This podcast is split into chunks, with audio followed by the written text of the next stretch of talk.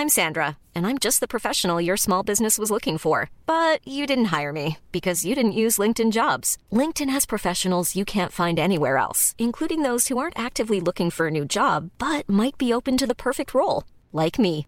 In a given month, over 70% of LinkedIn users don't visit other leading job sites. So if you're not looking on LinkedIn, you'll miss out on great candidates like Sandra. Start hiring professionals like a professional. Post your free job on linkedin.com/people today.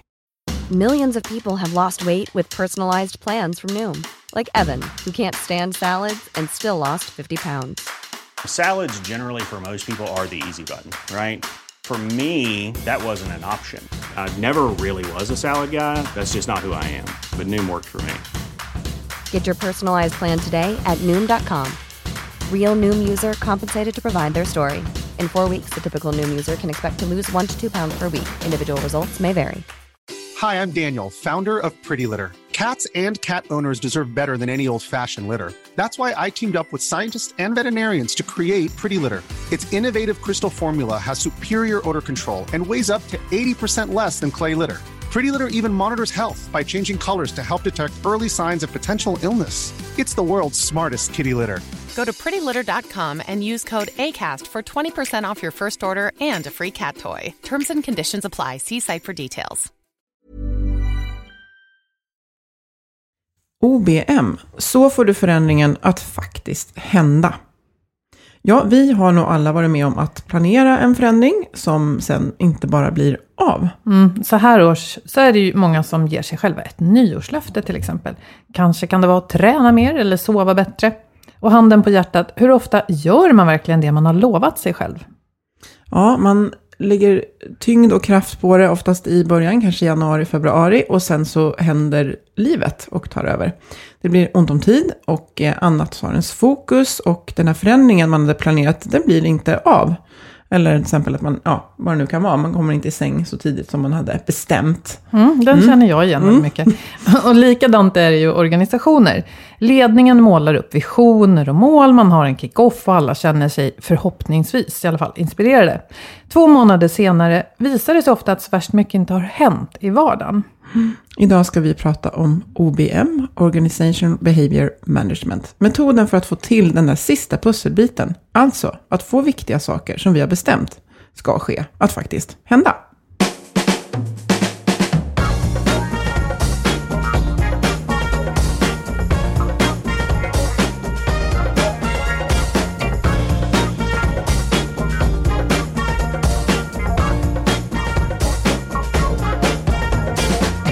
Du lyssnar på Health for Wealth, en podd om hälsa på jobbet. Trots att vi får det bättre och bättre mår många av oss bara sämre. Så kan det ju inte fortsätta. Därför tar vi reda på hur företag och organisationer kan bygga långsiktig hälsa och lönsamhet. Och börjar vi på jobbet sprider det sig ofta även till resten av livet. Vi är Ann-Sofie Forsmark. Jag driver företaget Formstark Resiliens. Och Boel Stier, copywriter. Lyssna på oss för nya insikter varje vecka för dig som är chef, ledare, jobbar med HR eller medarbetare. Ja, vår partner Wellbify är precis som vi väldigt förtjusta i modellen som heter KASAM. Känsla av sammanhang står det för. Kort handlar det om att hitta friskfaktorer istället för att reparera det som är sjukt. Visst måste vi rehabba och läka det sjuka, men om vi aldrig förebygger kommer det sjuka inte att minska. Ja, och nu är det faktiskt över 5 000 personer som har gjort det här KASAM-testet. Det är ett, eh, ja, det är ett kul test, men det, det är ett givande och insiktsfullt eh, test när man har gjort det. Ehm, och där du själv kan få en indikation på hur du trivs på din arbetsplats och med din arbetssituation. Och jag tycker det här är bra något att använda som en grund för egen reflektion eller ta med sig till sin, till sin chef. Jo, är man chef själv så kan man förstås be sina medarbetare göra det här testet inför ett samtal. För det kan vara ganska bra underlag för dialog om utveckling och förbättring. Mm. Och eh, du kan läsa mer om hur du och ni kan jobba med KASA med din eller organisation. Och som egen kan jag säga det funkar jättebra eh, att göra för sig själv också. Mm. Och det här hittar ni på wellbefy.se. Och vi kommer länka inlägget till det här avsnittet om hur du eh, hittar dit. Mm. Mm. Nu det här känns super, super roligt för att eh, författare till en bok som jag har läst och Boel också har läst sitter framför oss. Eh, Leif Andersson, du är psykolog, författare och utbildare inom OBM, alltså Organizational Behavior Management som jag sa i början. Välkommen! Tackar. Jag har ofta hört eh, talas om OBM som KBT för organisationer. Och KBT står för kognitiv beteendeterapi och kan väl sägas vara den idag mest populära formen av terapi som fokuserar mycket på konkret förändring av beteenden. Vad säger du Leif, är det här en bra beskrivning av OBM? Ja, det kan man säga på ett sätt. Det bygger på samma bakomliggande psykologi och teorier. Beteendeanalys. Och eh, ja, vi, vi tror ju gärna att vi vet vad ett beteende är, men jag har i alla fall märkt att, att eh, ja, jag går säkert vilse i det själv, men jag har märkt att när jag gör övningar på att beskriva ett beteende så, så kan det bli väldigt, väldigt eh, svårt. Och vi blandar ihop det med någonting som kallas för mentalismer. Vill du beskriva vad, vad, vad är skillnaden här? Jag håller med. Jag tycker också det är intressant att jag är fascinerad efter 20 år att jobba med det här att folk inte kan se beteenden. Vi ser liksom någonting händer på ett möte, någon person säger någonting och så tänker de typiskt hon är som där. Eh, nu, var, nu var hon arrogant eller respektlös eller någonting sånt där. Och så glömmer vi bort vad det var hon gjorde. Att hon sa någonting eller att hon suckade eller himlade med ögonen eller någonting sånt där. Alltså vi tappar på något vis det beteendet som förekommer precis mitt framför oss. Och så gör vi en, en beskrivning av det istället. Och det här är inget konstigt, för jag tror att vi är tränade i det här eh, sen barnsben att på något vis förklara och beskriva hur världen ser ut runt omkring oss. Och det, är- det är inte fel, alltså det, har ett, det har ett värde i sig. Men när vi ska kommunicera med människor så har det inte ett värde. Alltså, som ett exempel här på ett möte så, ehm, så avbryter Boel mig och säger så här, du har fel. Eh, och jag kopplar, ja, Boel var dum på mötet idag. Och mentalismen är, Boel var dum. Beteendet var, Boel avbröt mig och sa eh, att du har fel. Precis. Och vi tar med oss mentalismen från mötet, men beteendet har vi kanske glömt vad det var. Hon kanske är dum, det kan ju hända att du har rätt i det. för, att, för att du samlar ihop det, många olika saker hon har gjort som, gör att, du- som, kommer, som stämmer med det här. Det, det är en del, hon brukar göra sådär. Men det funkar inte nu, ska ge henne feedback. Ska du och jag prata om med Boel här så kan du, vi bli överens om att jo, men hon är lite dum på det och så kan vi liksom vara lite, tycka någonting om Boel. Men sen om vi ska prata med Boel om det, då kan vi inte säga sluta vara dum. Nej. För då fattar inte hon vad vi menar, utan då måste, vi, då måste vi prata om beteendet. Så att mentalismen har ett värde och är användbart i massa olika sammanhang, när vi ska beskriva saker mer generellt. Men när vi ska kommunicera med den unika människan vi har framför oss, då funkar det inte. Utan då måste vi säga, du avbryter mig på möten, det stör jag mig på. Och det beteendet kan hon, kan hon ändra på. Och det intressanta är att ändrar hon på det beteendet så kommer jag inte tycka att hon är dum om ett tag. Så att hon ändrar, så att, men däremot försöka få henne att sluta vara dum, det, det, det kan vi ge upp. Så att säga. Men förstår ni skillnaden? Liksom att få henne att sluta med en egenskap är jättesvårt, men att få henne att sluta med ett beteende. Det är också en, en anledning till att det är viktigt att prata om beteenden. För jag kan inte göra mig av med mina egenskaper. Däremot kan jag ändra på mitt sätt att agera, i alla fall när jag är i närheten utav dig. Ja, jag tänker också att eh, om ni säger till mig att jag är dum, då går jag förstås i försvar och håller, jag tänker inte hålla med er i alla fall. eh, och så mycket diskussion blir det förstås inte. Och så kanske den här konflikten, eller vad det nu är, fördjupas. Och så når vi ingenstans. Jag tyckte det var väldigt eh, tankeväckande att läsa, och kul att läsa din bok. Och kunde tänka på situationer jag själv är i ibland, när jag just känner att det inte lirar med någon person av någon anledning. Att jaha, nej men vad har jag tagit för ansvar för att se vad det är för konkreta beteenden den här personen gör, och som jag gör. Eh, det kan lära mycket. Och jag vet också att du skriver i boken att om man har, ja men säg värderingsskiljaktigheter, man kanske har olika politiska ståndpunkter och så sipprar det där ut i vardagen om man är lite liksom avog mot varandra, så kan man ändå komma överens om ett beteende. Ja, men vi ska stå här och sälja kaffe varje dag och det kan vi faktiskt göra på ett schysst och trevligt sätt. Men du säger att mentalismerna behövs. Bor de inte oftast i de här visionerna och eh, de här dokumenten som vi ofta tittar på med mål och hit ska vi. Jag menar, vi har pratat mycket i podden om att frågan varför ofta är viktig att ställa för att vi ska ja, få den här riktningen i vad vi gör och känna meningsfullhet. Men meningsfullhet är inte beteende. Och frågan är, hur ofta ser du att verksamheter går vilse i att man tror att de här ja, härliga visionerna liksom ska sätta igång människor? Hela tiden. Nej, men det är ju, du har helt rätt. Alltså det, det är ju bra att prata om det första F i, i, i OBM, då, färdriktning. Alltså, människor vill känna att de är med på vad vi, varför jag ska göra någonting. De vill känna att de förstår syftet. Syftet är, jag brukar säga det är två saker jag alltid har med mig när jag jobbar. Det är syfte och roll. Vad är syftet med det jag ska göra nu och vilket blir min roll i det syftet? För då vet jag att då måste jag anpassa mitt beteende för att fylla den rollen för att nå det syftet. Och där är det väldigt olika beroende på var jag befinner mig och vilken roll jag har. Sitter jag som deltagare på ett möte kanske jag har ett, en roll och sitter jag, är jag som ledare för mötet har jag en annan roll. Så att syftet är jätteviktigt. Och, men det, på något vis så tror man att det räcker med det. Och jag kan nästan vända på det och säga att jag tycker inte att du har rätt att lägga dig i andra människors värderingar. Människor har rätt att ha vilka värderingar de vill, så länge de beter sig som de, vill, som de gör. För på jobbet ska vi bete oss. Eh, sen vilka värderingar du har, det, jag, jag, jag tycker vi har, vi har faktiskt inte rätt att lägga, lägga oss i vilka värderingar eller politiska åsikter eller egenskaper så folk har, så länge de beter sig på ett schysst sätt. Men det här är ju så intressant, för mm. det upplever vi i alla fall är väldigt inne nu att prata om värdegrund och man, ofta är det en ledningsgrupp som kokar ihop några ord som kanske är väldigt, väldigt allmänna. Mm. Och så vill man att det här ska leda till beteenden. Men, ja, jag menar respekt till exempel. Mm. Ja, hur, hur är det om vi inte visar varandra respekt och hur är det om vi gör det? Någonstans måste man väl konkretisera och kanske problematisera det där. Mm. Ja, men vi är tillbaka igen att mentalismen har ju ett värde på ett övergripande plan och värderingarna har ju ett värde att peka ut färdriktningen. Det här tycker vi är viktigt för vårt företag. Så här. Men det, det man egentligen gör då, att man pratar ju om att vilka beteenden vill man se? Alltså jag vill ha människor som har vissa värderingar. Vi tycker att respekt är viktigt för oss. För vi vill inte ha medarbetare som skäller ut våra kunder.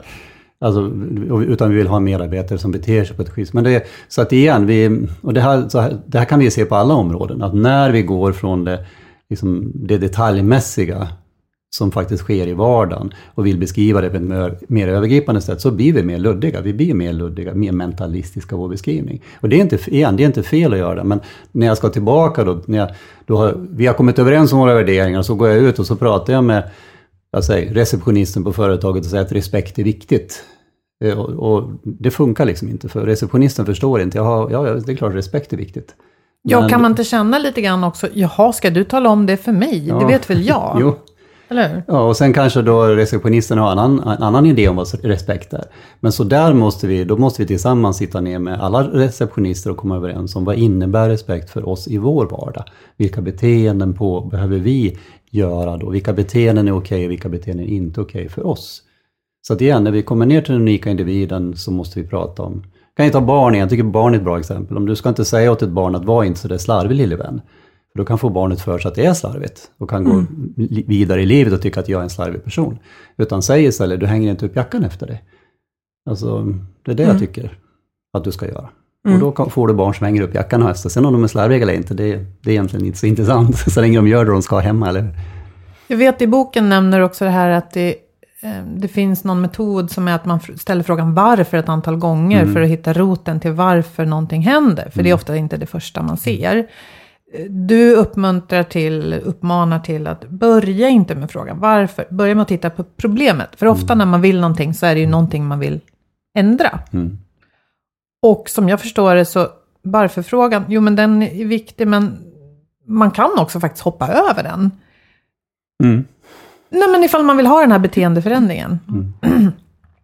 eh, och jag tänker bara konkretisera en sak. Vi började säga om hur svårt, eller vi började prata om hur svårt det är att att liksom definiera vad ett eh, beteende är.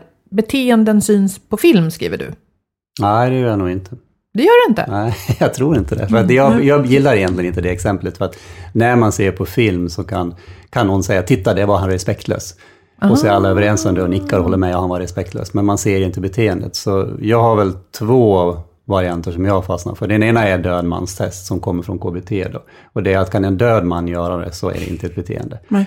Eh, och gillar man inte, tycker man det är makabert med döda människor så kan man prata om skyltdockor. Alltså kan en mm. skyltdocka göra det? Kan en skyltdocka vara pålitlig? Ja, de är otroligt pålitliga. Ställ en mm, skyltdocka i hörnet mm. kommer alltid att stå där.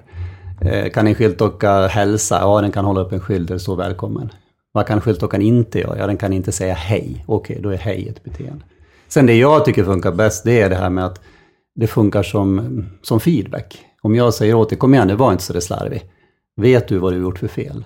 Nej, men om man säger att du hängde inte upp jackan efter dig, då vet du vad du har gjort för fel och vad du ska göra annorlunda. Så när du förstår, och det, det sättet att definiera beteenden tar också hand om att det är olika med vilken människa du pratar med. Jag tror inte att du kan be en kollega som kommer första gången helt ny till jobbet, kan inte du ens be eller säga till hämta en kopp kaffe, för det är en för komplex instruktion. För den personen vet inte var er kaffeautomat finns, den vet inte hur en kaffeautomat fungerar. Nej, nej, sätt inte in en kopp, det kommer ner, det ramlar ner en, en mugg. Oh, okej, okay, liksom. Så första gången måste du vara otroligt detaljerad i beteendenivå. Sen räcker det, en normalstörd människa förstår ju dagen efter, kan du hämta en kopp kaffe? Ja, då har den lärt sig. Då räcker det med luddiga kommunikationer. Så, så, att, eh, så det, det tycker jag är bättre. Så den här väldigt enkla sysslan egentligen med kaffekoppen. Mm. Är det det du vill få oss att mm, förstå? Yes. Mm. Det är där det händer. Det räcker inte att säga till, hämta en kopp kaffe, utan du måste förklara vad, vad betyder det? Mm. Vad vill du ha? Vad är kaffe för dig? Vad, hur funkar kaffeautomaten? Och det där tänker vi inte på, för det är så självklart för oss. Ja, det är självklart för oss själva. Mm. Och vi förstår inte att det är inte är det för de andra. Mm. Så det tycker jag är bättre. Så jag brukar, när du, lä, när du läser något sånt typ policydokument eller sån här ledarskapsfilosofi eller någonting sådär, så brukar jag ge rådet att tänk att någon säger sådär till dig. Gärna lite uppfordrande. Men kom igen nu, var lite mer respektfull. Mm. Var lite mer engagerad. Mm. Förstår du vad du ska göra i din vardag på ditt jobb? Om du inte förstår det, då är det för otydligt. Var lite mer transformativ. Mm, Sånt där ord nu, vad är det? Liksom, vad är det vi gör? Jag tycker det är jätteintressant, för det, det jag gör också reflektionen, eh, både efter din bok men också liksom, praktiskt att testa, det kräver ju att vi stannar upp och kommer åt vår liksom, moderna hjärna, eller vår utvecklade hjärna, frontalloben, för att inte tänka, ja men det är ju självklart, eh, det här är ju självklart för alla, och verkligen gå igenom rummet, är det här självklart för alla, eller är det klart för mig själv? Och att eh, också om normen är, har alla fattat? Och eh, för, för det, ja, det, här är ju enkelt, så det här vet ni väl allihopa. Så är det ju väldigt så här, socialt tufft att gå emot och säga, nej men ursäkta, jag, jag förstår faktiskt inte exakt vad du menar. Så att vi, vi har ett stort ansvar själva att, att um, hur vi pratar kring det här med beteenden. Och att, men vad drar jag den här slutsatsen till? Att nu kommer Boel in, och jag tar vi exemplet igen. Och då, vad är det jag bygger det på?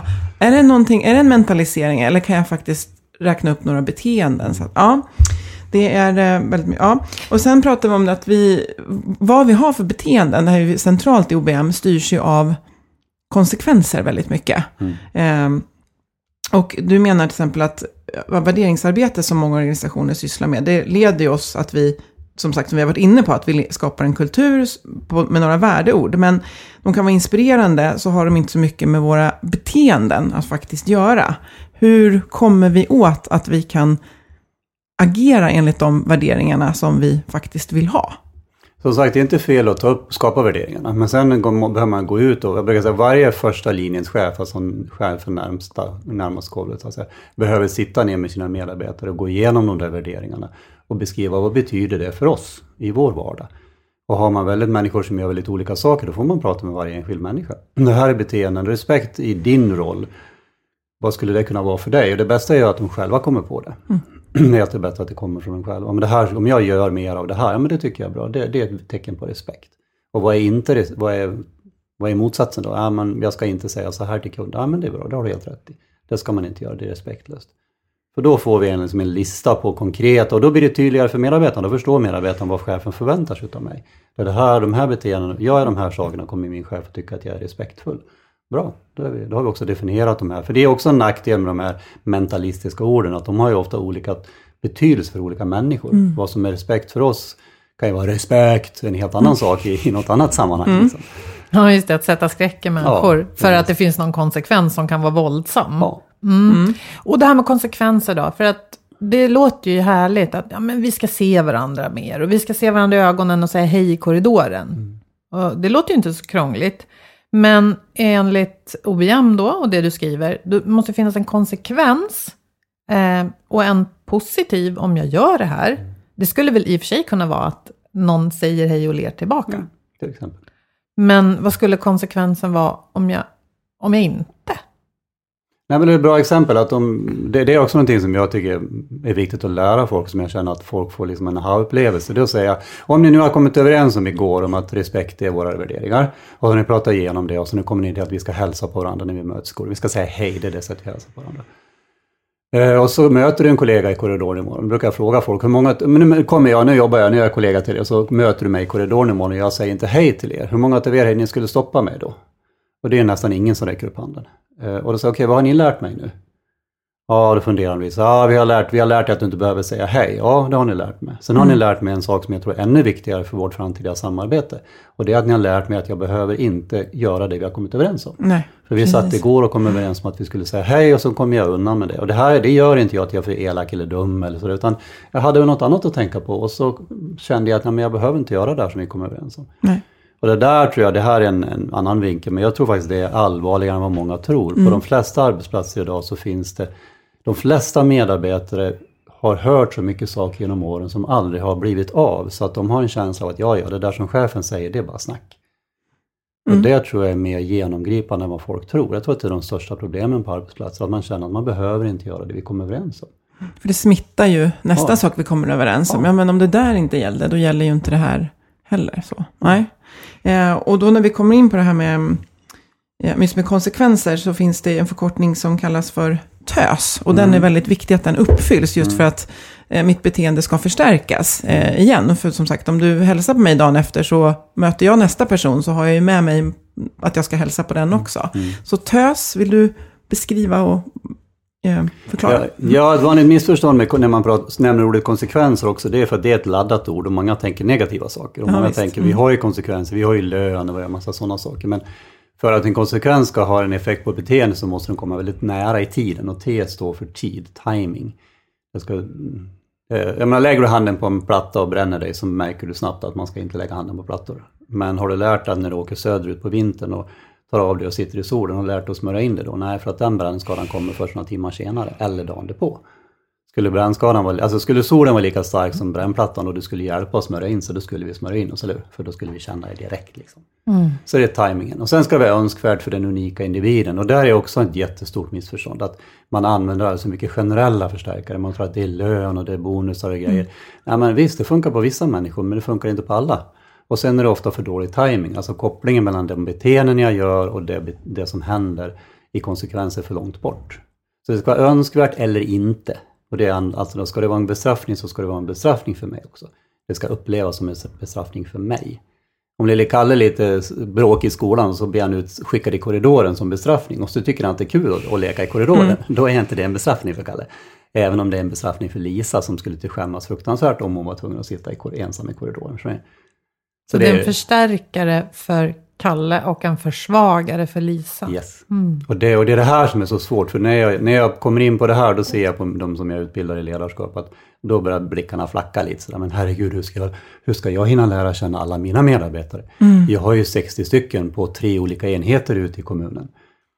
Ja, mm. tyvärr. Alltså, jag tror inte att man, kan, man kanske kan vara en chef, men jag tror inte att man kan vara en bra ledare om man inte får människor att känna sig sedda. Mm. Det tror jag faktiskt är det det, det, det, kan vi göra. Det kan jag göra ett helt eget program om, liksom att få folk att känna sig sedda, hur viktigt det är mm. egentligen. Och du har ju med ett exempel där just det att eh, för någon så kan det vara på ett möte, kan älska att chefen säger så här, nu vill jag verkligen lyfta någonting bra som Boel gjorde igår. Kan inte du berätta Boel? Och för någon annan så är det så här, jag, snälla, inte prata om mig inför de andra. Ja. Och det är ju väldigt liksom, unikt. Då måste man ju känna sina medarbetare. Ja. Och så har vi S1. S1, det är sannolikt. Mm.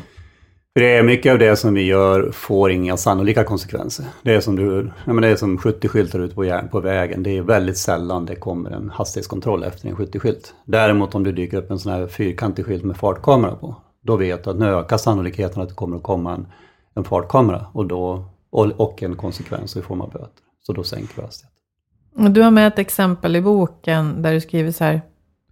Om du hade en apparat i din bil mm. som direkt du överskred hastighetsgränsen skrev ut en bot. Skulle du hålla dig till hastighetsgränserna då? Ja, mm. men det är ju sannolikhet och timing och allt mm. det där. Mm. Och negativ önskvärdhet då. Mm. Mm. Så det gäller att titta på beteenden och bryta ner dem och titta på de här tre delarna och se om man får bock i dem eller inte. Och det är ofta där jag tänker på, vi drog upp det här med nyårslöften i början, att Oftast är ju våra dåliga vanor sånt som tajmingen är bra, man får belöning på en gång om man nu eh, Kolla Facebook. Kolla Facebook, slår, till, slår på en till Netflix-film, eh, tar en cigarett eller en kanelbulle. eh, önskvärt och sannolikt. Eh, Medan om jag ska avstå det där för att öka, sova bättre, öka min hälsa, så kommer tajmingen kommer inte direkt. Det är önskvärt, men det är alldeles för sent. Eh, och sannolikt, ja, men det är igen för sent. Och det är samma med lönen. Att jag anstränger mig jättemycket idag mellan 11 och 12 och det kommer lön den 25. För det första är ju, så vi, det är ju så hygien, det ska komma lön, det är förväntan när jag börjar jobba där. Den, den kommer inte funka eh, för att förstärka mitt beteende. Men om jag gör någonting annorlunda och så kollegan bara, gud vad bra gjort, alltså jag hörde, grymt, eller chefen, då kommer det direkt. Men då måste vi vara där och få den där kicken. Och uppmärksamma det. Det finns en pyramid eh, som jag inte minns namnet på. Där du visar att eh, ju, alltså om man tittar på organisationen som en hierarki och du själv och medarbetarna är i botten. Om man nu är en av medarbetarna. Och sen kommer chefer och liksom högst upp i någon slags allmän organisationsledning. Så verkar det som att vi reagerar starkare på positiv förstärkning från de som är närmare oss. Så det, är, igen, det, är- det här är igen, det är så unikt för varje unik människa och det är det som gör att det blir svårt i, i praktiken. För att det beror ju på vad du har för relation med människan. Är det här en, en kollega som är väldigt viktig för dig av någon anledning, du ser upp till den kollegan eller den kollegan är någonting, så gör ju, är ju konsekvensen från den personen starkare. Jämfört med chefen som kanske bara kommer förbi någon gång om dagen eller någon som du träffar någon gång i veckan. Och sen organisationen, den högsta chefen som du hör på en gång om året. Så det, det har väldigt liten påverkan på det viset. Så det är oftast, men igen, det handlar mycket egentligen om tös tror jag i botten. Det handlar om önskvärdheten då från, vem kommer det ifrån så att säga. Och det handlar om tajmingen på det och sannolikheten på det. Och det är väl därför man, man brukar säga första linjens chefer brukar chefer säga, högre chefer säga, de lierar sig med personalen. Alltså de, de följer inte ledningens utan de gör som personalen vill. Och det är inte så konstigt, för de står ju ner bland personalen varje dag. De får ju, de får det väldigt jobbigt om de ska liksom genomdriva jobbiga förändringar, för de får skiten hela tiden. Högre chefer får ju höra någon förflugen kommentar kanske någon gång ibland. Men det positiva med det tänkte jag apropå att det kan vara väldigt svårt att hitta de här tösfaktorerna när vi vill göra en långsiktig förändring. Ja, men det kan räcka med att smörja in sig då innan man går till stranden. Eh, Men det jag var ute efter är att då måste vi väl se till att antingen jag själv kan belöna mig eller att jag kommer överens med min nära kollega som jag hänger med mycket. Att vi ska uppmärksamma de här grejerna hos varandra. Så att vi får den här belöningen, som alla speltillverkare vet då, att man får en stjärna när man har ja, gjort ett mål och så Precis. fortsätter man. Nej, spel är ett jättebra exempel på hur det här funkar. För där är ju tajmingen bra, och önskvärdheten och sannolikheten. Allt finns ju där. Ja, i alla fall till en stjärna, fast pengar får man säga. Ja, nej, men så här, Jo, men det är samma sak där. Men pengarna är ju inte så intressanta. Alltså pengar, det är också en sån här myt att pengar är en förstärkare. Nej, det är inte så mycket. Utan det, det är väldigt mycket en social förstärkare. Det kan man ju se på löner också. Varför, varför har vd har höga löner? Jobbar de hårdare för att de får några miljoner mer? Nej, men eh, de blir socialt förstärkta av att de, de är, anses duktiga chefer. Och andra chefer på liknande positioner har hög lön. Så att då ska de ha lika hög lön. Så att, Mm. Det blir, och sen, tänk om man hittar, komma tillbaka till de här FN. Om man eh, vill eh, göra en förändring för sig själv, eller om man tänker att man är chef eller kollega för den delen, som, som vill titta på någonting som vi nu har lärt oss att vi ska göra inom organisationen. Vi kanske har haft den där kickoffen, och så ska vi ta 30% nya eh, marknadsandelar, eller vad det nu kan vara. Eh, då kommer vi in på de här fyra FN, och det var så roligt för att jag älskar ju KASA, men det är ju Boel också. Och där pratar vi om att vilja, veta och klara av. Och jag kan så lätt plotta in de här i dem, att vi behöver vilja, veta, alltså veta, kunna, och vi behöver ha förutsättningarna. Eh, så de här FN är ju färdriktning, det är ju det som, alltså varför ska vi hit?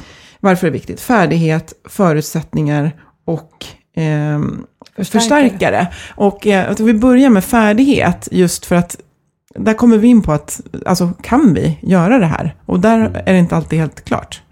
nej, jag underskattar inte människors inkompetens. Det kan låta Det hårt. låter elakt. Det Ja, låter tvärtom men- mot vad man ska... Ja. Ja. Ja, fast jag tycker, jag, jag ser det. Alltså jag ser förvånansvärt mycket inkompetens. Och den är inte medveten, den är oftast omedveten. Man är själv inte medveten. Vi pratade tidigare om lärare, att lärare inte utbildas att ta hand om, att ta hand om elever. Och det, det är svårt att vara då. Om man inte får det i utbildningen så är det svårt när man kommer ut att veta vad man ska hantera. Så du menar att man är bra på historia, men hur man ska ta hand om elever kanske man inte har Nej, det ingår inte i lärare. Jag är själv gift med en lärare, så jag vet att det ingår inte i lärarutbildningen. och det är för att den fokuserar på, och det, det tror jag finns hos- historiska orsaker, men det, det är en annan vinkel. Men nej, men jag ser som sagt att, och sen är det också det som så att människor erkänner inte när de har färdighetsbrister. Att om vi kommer överens om att nu ska vi börja ringa till kunderna eller skicka brev, så, så är det väldigt få som erkänner att jag tycker inte om att ringa människor. Eller, vad, eller vi, ska, gå, vi ska gå fram till alla kunder på golvet nu i butiken och säga hej och fråga. Det, där, det är lite obehagligt. Jag står ju hellre bakom kassan så får de gå fram till mig. Och det där, är- vi underskattar de där små sakerna. Och det tror jag också är att de flesta chefer har ju, kan ju det där. Därför de har blivit chefer, så att de är, det, det har gått bra för dem. Och då tänker de att men det här kanske någon annan människa inte kan. Så tänk på det, kolla av att människor verkligen kan någonting.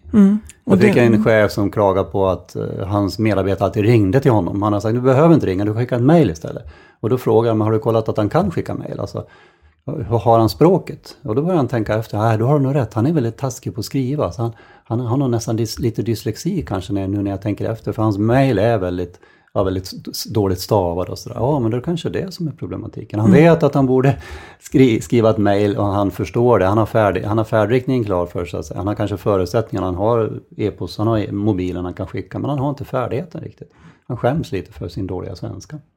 Och visst är det så att vi, vi lätt underskattar just de här sakerna som, när vi inte kan dem, tar väldigt mycket tid. Jag tänkte på, du bjussade i boken på att du skriver pekfingervalsen, vilket ju tar mycket längre tid än den här handsättningen. Eh, och, och, ja, och, det- och det kanske är någonting som fler använder pekfingervalsen, men det kan vara andra saker. Just, ja, men då går, loggar man in där och gör det. Alla bara, ja, ja visst, visst. Så här. Och så, man utgår från att alla kan de enkla grejerna. Och en annan sån grej är att, ja men nu sätter vi ju kunden i fokus här, eh, kommande kvartalet. Och så så här, och vad betyder det? För det är ju både eh, kunskap, men också vad är det vi konkret menar att den kunskapen handlar om här. Och sen pratar vi om det här också, du skriver boken om eh, alltså omedveten okunskap. Alltså vi, vad jag inte vet att jag inte vet. Det är ju, om jag behöver det i jobbet så är det ett stort problem. Absolut. Jo, men är det inte just där att jag kan vara anställd som nej men, copywriter, då, som jag är?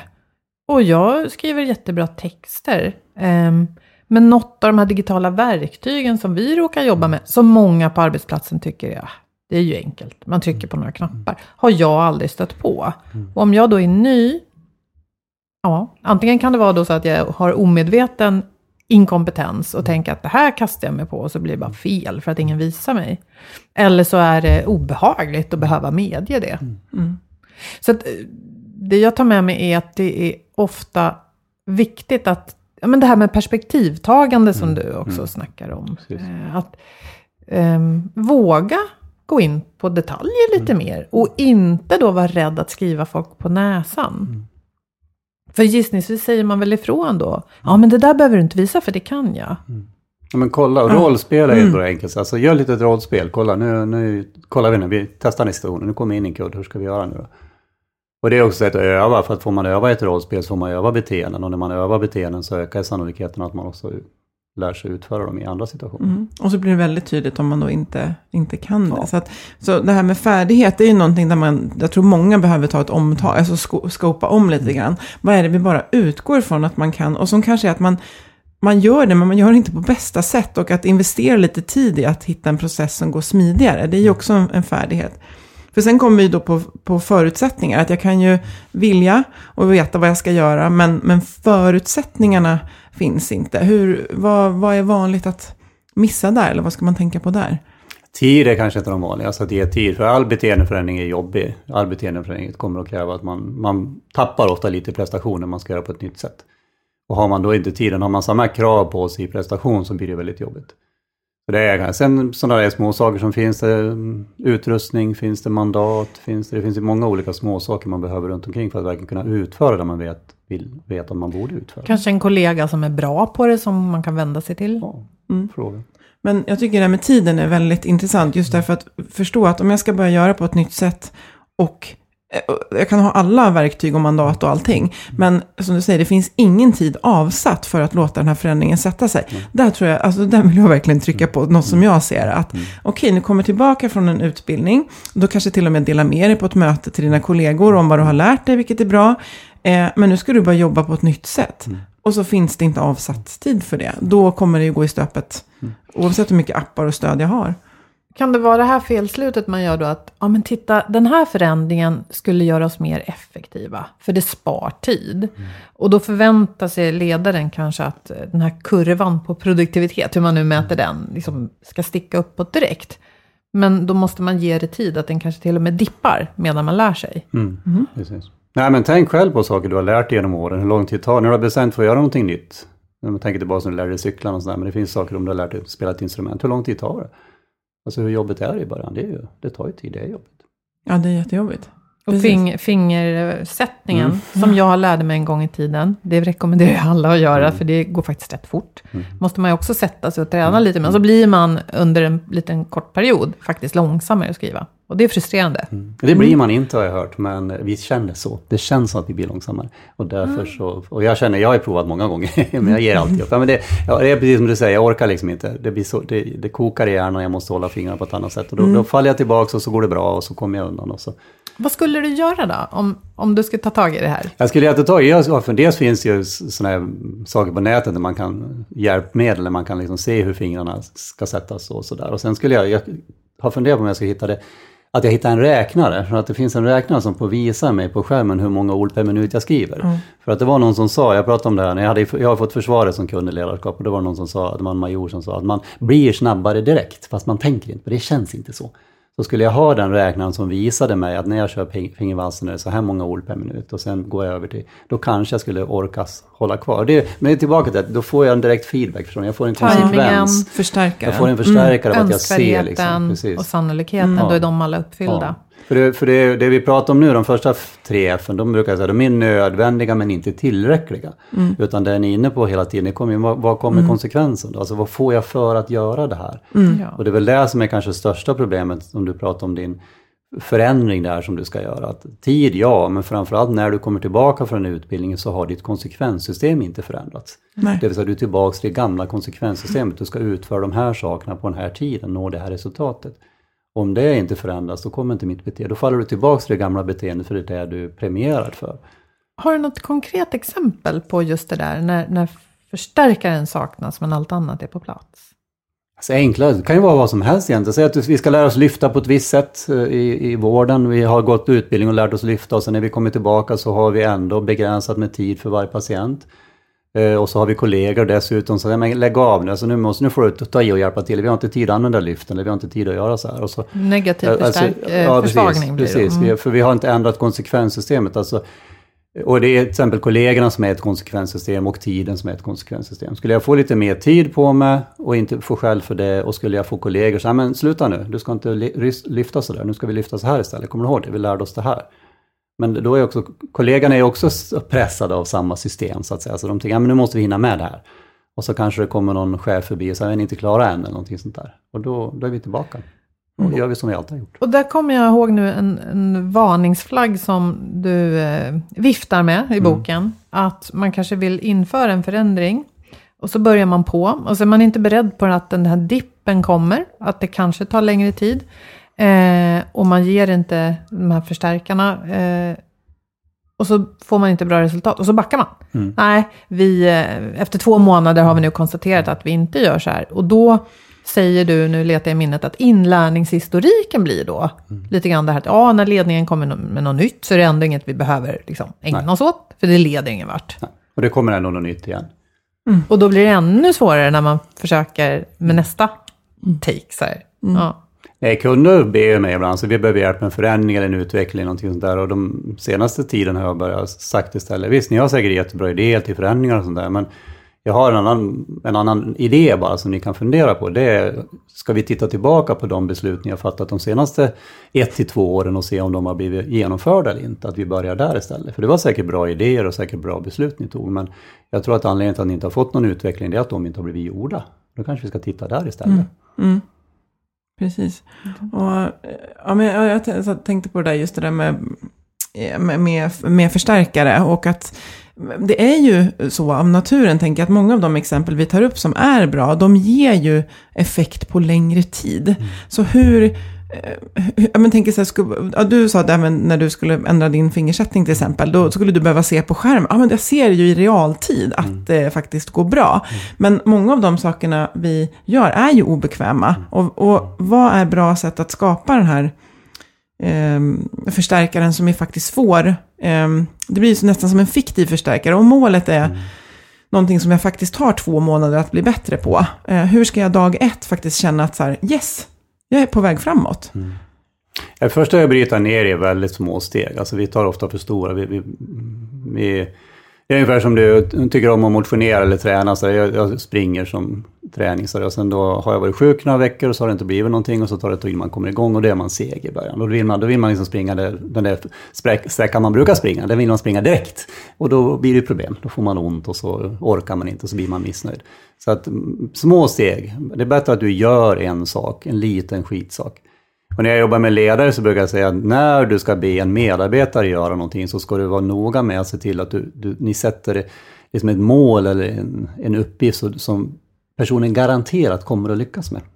Och på ganska kort tid. Så säg inte att nu ska du ringa tio nya kunder, utan säg jag vill, kan du ringa en mer kund än vad du ringde förra igår? Testa en mer bara, ett samtal till. Och så går du förbi kanske flera gånger per dag och frågar hur går det? Eh, Så att du får igång det. Och för egen del så får man ju då igen små steg och sen hitta någon form av, som du sa, hitta någon form av förstärkare. Jag vet inte vad du kallar det, men någon form av konstgjord förstärkare brukar jag kalla det. Alltså vi får hitta på någonting. ja.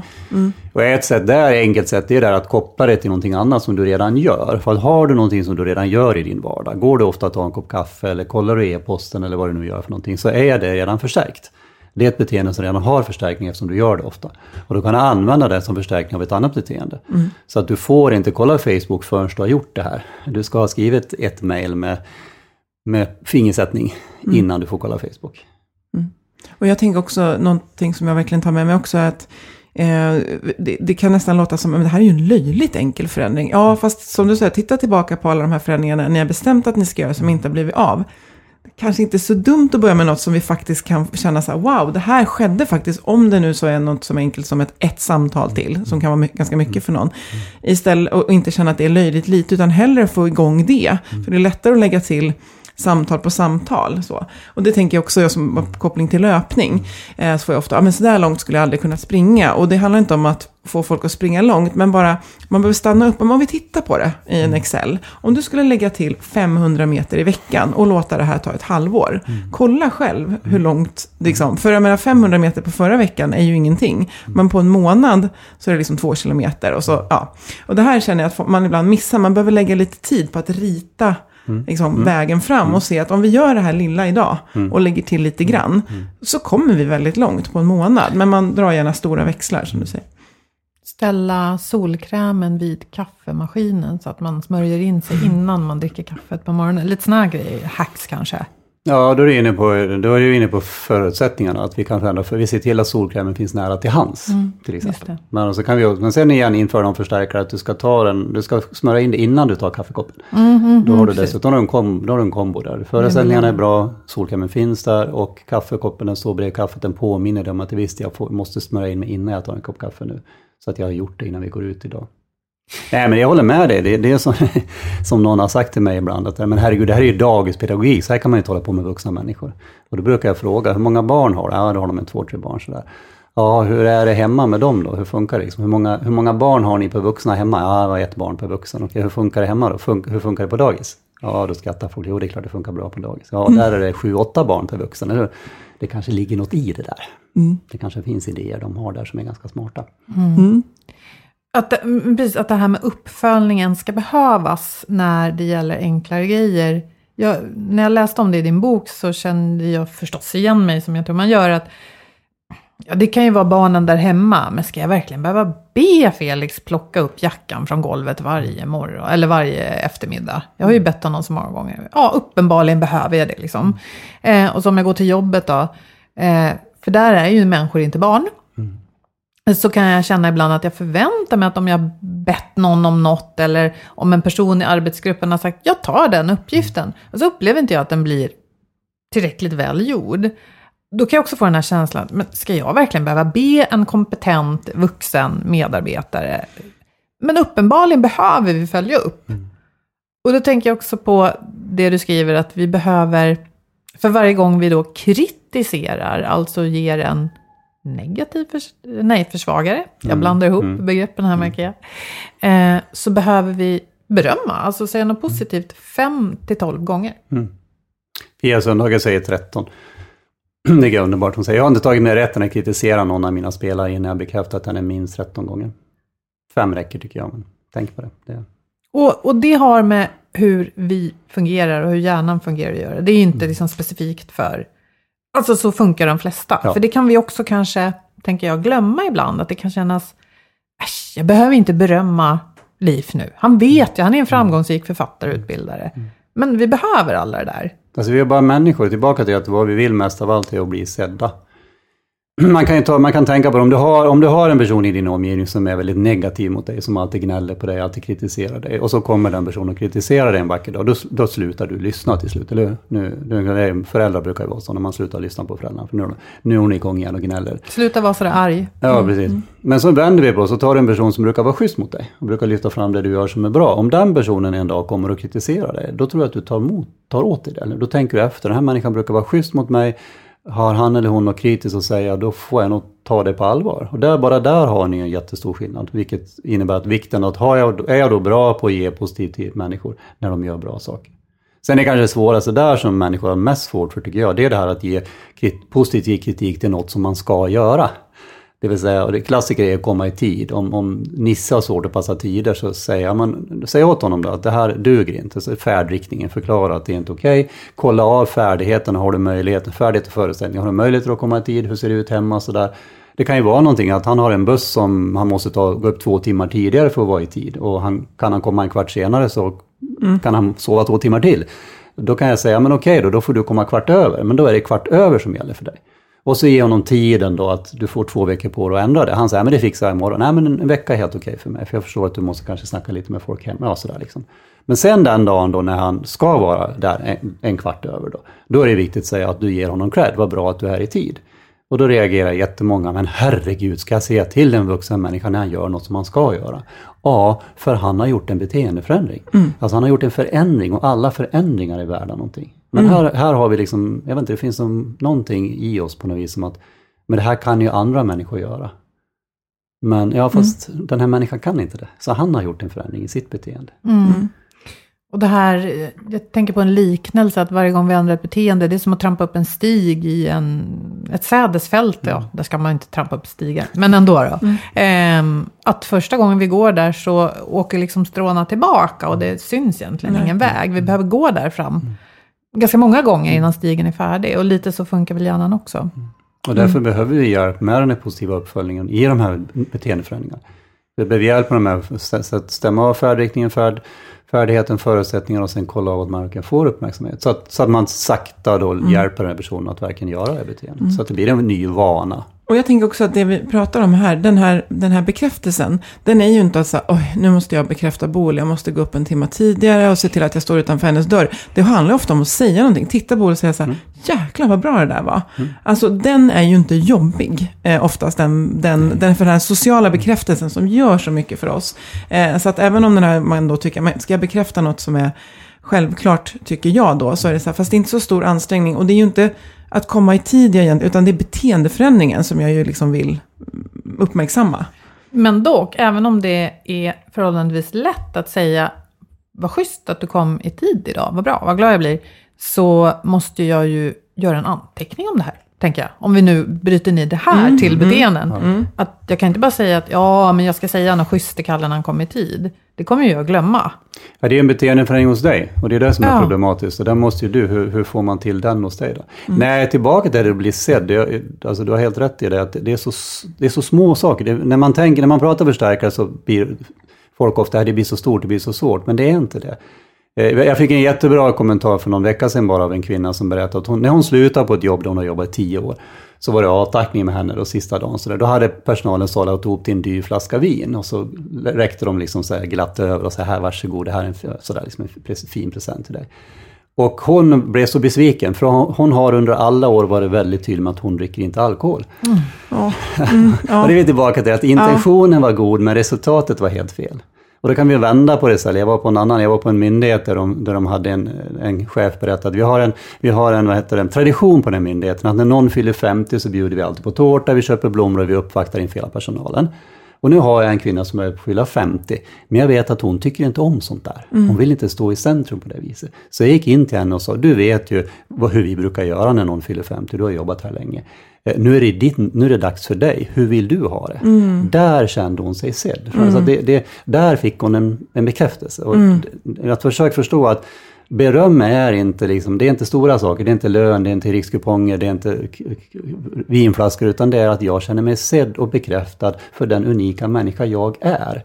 Och den där vinflaskan var ju ett så bra exempel på när man inte, när man missar det. Förstår ni? Och det där man blir tillfrågad är så bra exempel på när man förstår det. Att Jag, jag väljer, jag, det är dig jag ser nu. Jag förstår att du vill ha något annat i den här situationen. Och då känner du dig sedd som människa. Och då är vi tillbaka till det, det tror jag är det allra viktigaste. kan titta på bara ungdomar, varför bråkar ungdomar idag? Jag hörde något radioprogram skulle komma, nu är det något år sedan, men det var en tjej som berättade att hennes bröder var ju, småbröder, lillbrorsa och hans kompisar var ju sådana där som sköt människor och sånt. Och hon sa att, nej det har blivit så hemskt nu att de där grabbarna, alltså det är inte inne och skjuta någon längre, för det är så många som har gjort det.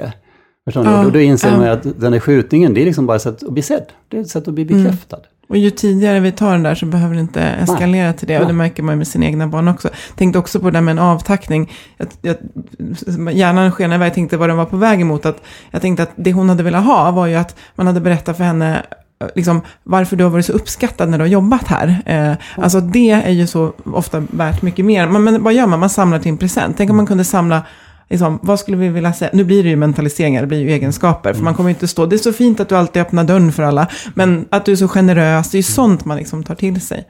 Eh, men jag tänkte apropå det då, just det här med de här förstärkarna. Och i den tid vi lever i med väldigt, det finns väldigt mycket appar och sånt där. Att, ehm, för, som Boel var inne på, att om jag ska komma ihåg och bekräfta när du kommer i tid så måste jag göra en anteckning om det. Eh, och jag tänker själv när jag försöker hjälpa människor liksom, till hälsosamma vanor, att hur ska jag hur ska jag få den här kicken att jag gick och la mig en kvart tidigare igår? Någonstans måste det ske något dagen efter, där jag känner efter, noterar, känner efter, är lite piggare eller sådär. Eh, Eller när jag går och lägger mig för tajmingen kanske. Ja, precis. Att kör lite förverkerier, vad det kan vara. Men att man, eh, liksom stöd för det här. Jag gillar att, eh, vår gemensamma bekanta Caroline Lornöd, jag vet att hon gjorde någon, eh, det var väl som en karta där man fick kryssa i, så tog man sig fram mot ett mål när man spel. med något. Mm. Ja, spel. Eh, jag gillar att sätta kryss eller liksom göra sådär. Men många gillar ju att använda till exempel appar. Och jag tänker, har du lite tankar kring bra metoder just att följa upp att beteendeförändringen sker? Både om man är chef, men också för sig själv. Så. Så när jag kör ledarskapsutbildningar så försöker jag alltid lägga upp dem med tid emellan. Så att, och ganska lite teori och sen övning. Och sen får de med sig hemuppgifter och öva. Och då har jag senaste åren provat lite olika varianter. Dels kan man skicka bara ut ett sms till folk och säga, har du tänkt på att lyssna aktivt den här? Eh, sen finns det appar som, finns forskningsappar som jag har provat som påminner, som slumpmässigt under dagen påminner. Så det bara kommer slumpmässigt och det kan man programmera in dem. Och det är för forskning. För forskning vet man att folk är dåliga på att berätta efteråt vad de har gjort. Så därför frågar man dem hur är det just nu. Eh, Sen finns det sådana här spelappar och det jobbar jag med den här Game Changer lite som jag har testat nu. Där man just har, det, det kan jag lägga in, jag kan själv lägga in. Som, så jag lägger in efter första dagen så tror jag hade aktivt lyssnande och då var det var tyst längre än vanligt och då fick man två poäng för att kryssa i den. Och sen var det, eh, ja, återberättade det personen hade sagt det en gång. Alltså jag la in sådana väldigt enkla konkreta beteenden och så får de kryssa för det och då får de poäng. Och då kan jag se det, så jag som så att säga, spelledare kan se då och återkoppla till dem. Tack för att du gjorde det här. Man har en liten chattfunktion. Så, så den typen, och det viktiga tycker jag det är att det är någonting som där man får en feedback. Dels att man får en, vad vi kallar prompt och man får en instruktion om det är det här du ska göra. Så man kommer ihåg vad var det jag skulle göra. Det var inte bara aktivt lyssnande. Och det innebär att kanske jag ska vara tyst lite längre än vanligt. Och, och, och sen att jag får någon form av feedback på det. Och det är som du säger, vissa kryssar för, det är tillräckligt för dem. Och det märkte jag direkt första gången jag testade, att de, alltså de börjar kryssa redan i rummet. För vissa är ju tävlingsinriktade. Sen är det de som inte är det, då får man ju fundera på dem. Då, då kanske man får följa upp dem lite mer och återkoppla till dem. Och, så nej, men jag tycker jag har testat det några gånger nu, jag tycker att det funkar bra. De har själva sagt det, och det är intressant också att de har sagt att sen efter i slutet på utbildningen, som kanske tar en tre, fyra månader, så här, ett halvår, då använder de det inte lika mycket för då, då har de den ändå med sig. Den blir på något vis internaliserad, de bär med sig och kommer ihåg det. Och det är dit vi vill komma. Vi vill ju komma till att folk börjar göra saker, alltså lär sig att göra saker. För när, det är det som är så intressant med vanor, när vi väl har fått igång en vana så rullar den på lite av sig själv. Då är stigen upptrampad. Precis, då är stigen upptrampad och då är det ganska svårt att komma bort från den. Och det är det som är fördelen med det, men det är därför vi ska försöka lära in bra beteenden så att stigen blir upptrampad med bra beteenden. Och det här ser man ju i hjärnan. Man ser ju liksom om man är musiker eller taxichaufför i London eller vad det är. Så ser man eh, att de vanorna som man har mycket av, det, det är liksom upptrampat. Och vi vill ju trampa upp rätt vanor. Och då behöver vi bli medvetna. Vi måste ha det här färdriktning. Alltså varför ska jag ens göra det här? Har jag kompetensen och inte utgå ifrån att den är självklar. Finns förutsättningarna. Eh, och sen att jag behöver förstärka den där. Så att eh, det här um, metaforen med vetefältet, det, det liksom växer igen om jag inte är där och trampar. Jag behöver trampa ofta. Det behöver ske. Det kan inte vara att jag ska göra det en gång i månaden. Det är lite för sällan. Alltså musiker, jag stötte på en taxichaufför en gång, jag hamnade bak i bilen så hade han en, en fiollåda låg där bak. Och då frågade jag, "Jaha, som, ska du köra? Nej, jag är musiker, så det, vi har ju blivit så nu, man har gjort om det, så jag får inte vara arbetslös liksom, när jag inte har något jobb, utan jag måste jag får inga a-kassa när jag inte har något jobb, så jag måste, så att jag måste, och jag måste öva sen. Jag, kan, jag, måste öva, jag måste öva ett par timmar varje dag, jag, för jag spelar i en, i en sån här, vad heter det, en sån här symfoniorkester, sa han. Eh, och alltså- Och det är samma sak, de som är proffs, det är de som övar, eller hur? Det är väl Ingmar Stenmark sa, att det är liksom kul. jag har mer tur ju mer jag övar, liksom. ju mer jag tränar desto mer tur får jag. Så att, Och en annan bra sak är väl också det här att om jag gör mer av de beteenden som på något sätt är bra, vi har kommit överens om att vi behöver dem, då tränger jag också undan tiden att kunna lägga på de beteenden vi inte vill se. Vilket är eh, vad heter det, upplyftande när man läser din bok, att vi behöver kanske inte lägga så mycket tid på att säga nej, nej, det där ska du inte göra, utan fokusera på vad det är vi ska göra. Nej, jag brukar ge det som en hemuppgift till, ledare, att testa välja ut en i personalen och så börja bekräfta saker som den gör som är bra. Och du kommer att bli förvånad hur många dåliga beteenden som kommer att försvinna av sig själv. Det, jag säger, lita inte på mig utan gå hem och prova. Det, det, jag får ofta de kommentarerna tillbaka, att ja men du har rätt alltså. Det, det händer något. Och för hjärnan också, att vi inte känner av ordet inte. Jag testade det här senast igår på barnen. Vi skulle till badhuset och så satt jag i bilen och skulle vara pedagogisk mamma. Och prata om vad, hur gör vi på badhuset? Och de automat, man får inte springa, man får inte bada själv. Och då sa jag, kan vi vända det här? Alltså jag, bara, jag kände mig så präktig. Jag bara, kan vi vända det här till saker som vi ska göra? Ja, vi ska gå. Vi ska bada med varandra. Ja, så, här, så bara kände jag, nu är jag super. Det gick halvbra, eh, så ändå. Men, men jag kände, ja, men Du började framåt. trampa upp en stig där. Ja, jag tyckte Ja. det. Ja. Det intressanta tänker jag i det exemplet, det är ju hur, hur upptrampad den där andra stigen är redan hos Jajamän. dina barn. Och jag tror inte du är unik, utan det här är på något vis, hela samhället lär oss på något vis att fokusera på det man inte ska göra. Jag tycker det är otroligt fascinerande. Det är bara att titta på politiken, man pratar om att vi ska sätta gränser för folk, vi ska bli tuffare och så. Man pratar väldigt lite om att berömma folk som gör bra saker. Hur ska vi bara ge mer av det? Hur ska vi göra mer av det? Hur kan vi få, för det är, det är ju det effektiva sättet att ändra beteende, det vet vi ju. Sen hundra år tillbaka och mer. Liksom. Men ändå så ägnar vi oss åt mer straff. Absolut. Ja. Konstigt det där. Det är, ja, vi sa här innan vi började spela in att OBM is the shit. Alltså jag älskar det. Jag ser det att det är liksom, som du säger, det är ju inte det som är, det är inte, OBM är inte vårt varför, utan OBM är ju verktyget vi behöver ta till när vi ska ta oss dit. Alltså det är det som ger oss liksom, vad ska man säga? Ja, det, det, det är ett verktyg för att få det som vi vill ske ska hända. Det är inte det som sätter vilken marknadsplan vi har. Utan i slutändan så kan vi, Boel kan rösta på vilket parti hon vill, men vi kan Tack. enas. ja, och, och vi kan tycka om olika musiksmak. Men vi enas om beteenden, för det är det vi kan titta på och utvärdera tillsammans. Så på arbetsplatsen menar du att man kan komma in med vilka värderingar som helst, men... Och den, den känns som att man behöver tänka på den, för jag tänker så här, men om någon har den värderingen så kan inte vi... Men på arbetsplatsen kan vi mötas och jobba tillsammans, för vi enas om beteenden, och de behöver vi jobba med. Alltså det kan hända att du redan har kollegor på arbetsplatsen som har konstiga värderingar, men den personen är väldigt duktiga på att aldrig visa det i beteenden när du är närvarande. Så därför kan det finnas det och det måste det finnas, för det finns ju mycket människor med konstiga åsikter som ändå har jobb. Eh, Men de är säkert smarta, alltså de, de agerar på ett bra sätt på jobbet. De kan vara otroligt uppskattade på jobbet, men sen eh, så gör de andra saker vid sidan av. Och då, då är det helt okej egentligen tycker jag. Sen kan det bli problem om den personen gör något konstigt som hamnar i tidningen. Men då är det samma sak, då är det vad personen har gjort som är konstigt. Inte att personen har vissa värderingar som är konstigt. Så att, eh, Och det här, jag tänker att eh, det vi behöver ta med oss är just att lite mindre fluff. Eh, Mats Alvesson är en forskare Mm. som, eh, jag tror han har myntat begreppet, eller så har han i alla fall använt det, hyperkultur. Och det är i alla fall hans eller andras namn på det här liksom fluffiga dokument och inspirerande presentationer som kanske inte betyder så mycket i verkligheten. Att inte fastna i dem när man är ledare framförallt. Eh, och dessutom det här med mål. Att man kan inte gå ut och hojta om att nu ska vi bli 30% mer effektiva. Till att börja med kommer nog ingen bli så taggad av det. Och för andra så är det nog ingen som förstår riktigt vad det är man ska göra. Han har ett annat bra begrepp tycker jag som också hänger ihop med det vi pratar om. Han kallar det funktionell dumhet. Att han frågar till exempel en massa rektorer, har, ni, har det hänt att du någonsin har stått mellan att anställa en bra lärare och en behörig lärare? Ja, det har de ju stått inför det valet. Ja, vad gör du då? då? Jag anställer en behörig lärare. Okej, så du väljer bort en bra lärare? Ja, jo. Men det är funktionell dumhet kallar han det och det är ett bra begrepp. Men det kan vi också förklara med OBM, för att det, det är konsekvenssystemet. Att anställer man en obehörig lärare så råkar man st- större risk att få skit som, som rektor än om man anställer en behörig lärare. Sen kan behörig lärare vara dålig, men det, jag gjorde rätt.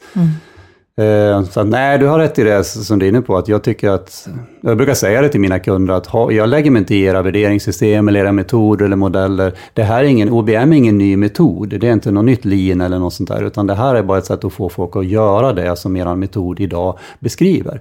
Ni har säkert bra modeller och bra strategier, det är säkert inga fel på dem. Men följer folk dem? Gör folk som ni har kommit överens om? Om de inte gör det, då kan ni få hjälp av OBM. Och just ofta är det ju att konsekvenserna som finns på arbetsplatsen stöttar inte. Om jag ska vara modig och säga till när vi gör fel, vad är konsekvensen? Ja, alla tittar konstigt på mig. Ja, då kommer jag inte att göra det. För jag är funktionell, den här funktionella dumheten äter sig in. Så att, eh, och det kan låta som att man behöver förändra mycket, men det är ju just det här att vi, vi kan börja med att fokusera på en grej och få kraft av att se den ske. Så, så att, ja. Och tänka på att även som vi var inne på tidigare, när jag inte säger ifrån så har jag sagt något viktigt. Jag har sagt att det är okej att göra sådär. Så det, att förstå den också. Att, jag, jag pratar med säkerhet på ett elbolag nu mycket och då pratar vi, så det märker det fastnar hos dem, att när du ser en kollega göra någonting osäkert som man inte ska göra och du inte säger till, då har du sagt att okej att göra så, tänk Ja. på det. Och då, då ser man, då, då vaknar de till, ja, har du rätt i det liksom. Att, Jag har ju precis certifierat mig som OBM-konsult och jag känner att eh, så att säga, det, det, det tar inte över någonting annat jag har gjort, utan det bara ger verktyg till allting som jag jobbar med, som ledarskap och beteende, vad det nu är. Eh, så det är ett fantastiskt verktyg, så vi hoppas att ni har fått med er eh, tips, ni har, vi har väckt intresse framförallt tror jag att läsa vidare. Och som sagt kan varmt rekommendera eh, din bok, OBM, den heter OBM för OBM-boken. OBM-boken, ja. Eh, färgglad framsida. Eh, för att den är, mm, den är lättläst samtidigt som man behöver reflektera medan man läser den känner jag. Och på sin egen situation så kan man liksom göra det konkret. Ja, det är samma sak där. Ut och gör en sak i taget. Ja. Gör det enkelt. Och eh, beröm varandra. Och, och beröm dig själv, tänker jag. För att vi det här självpratet som pågår inom oss själva är ju jätteviktigt också. Mm. Tack så hemskt mycket för att du kom hit. tack själva. Tack.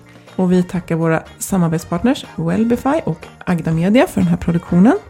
Prata gärna med oss. Vi finns på LinkedIn, vi finns på Facebook och på healthforwealth.se. Må så gott. Hej, hej! Hej då!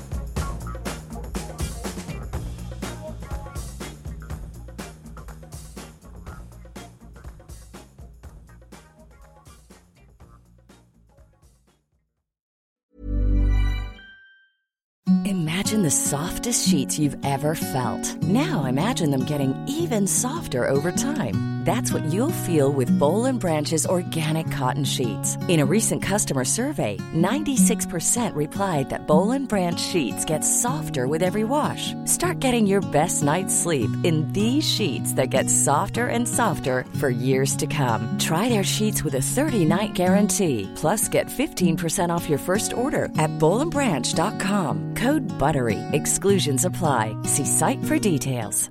Hey, it's Paige DeSorbo from Giggly Squad. High quality fashion without the price tag. Say hello to Quince. I'm snagging high-end essentials like cozy cashmere sweaters, sleek leather jackets, fine jewelry, and so much more. With Quince being 50 to 80% less than similar brands.